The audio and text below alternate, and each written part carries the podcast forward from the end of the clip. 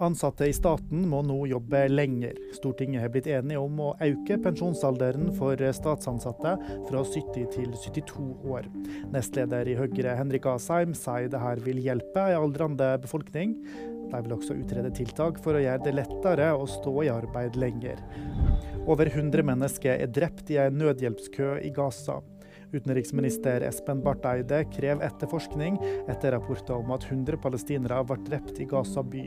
De venta på nødhjelp da de ble drept, og Eide kaller handlingene uakseptable. Over 25 000 kvinner og barn skal være drept i Gaza siden 7.10, ifølge det amerikanske forsvaret. Putin advarer Vesten i en tale. Russlands president sier at ingen skal blande seg i Russlands anliggende. Han snakker om å styrke Russlands militære og trekke fram atomvåpen. Talen skjer to uker før presidentvalget, der Putin er venta å bli gjenvalgt. Og nyheter finner du alltid på VG.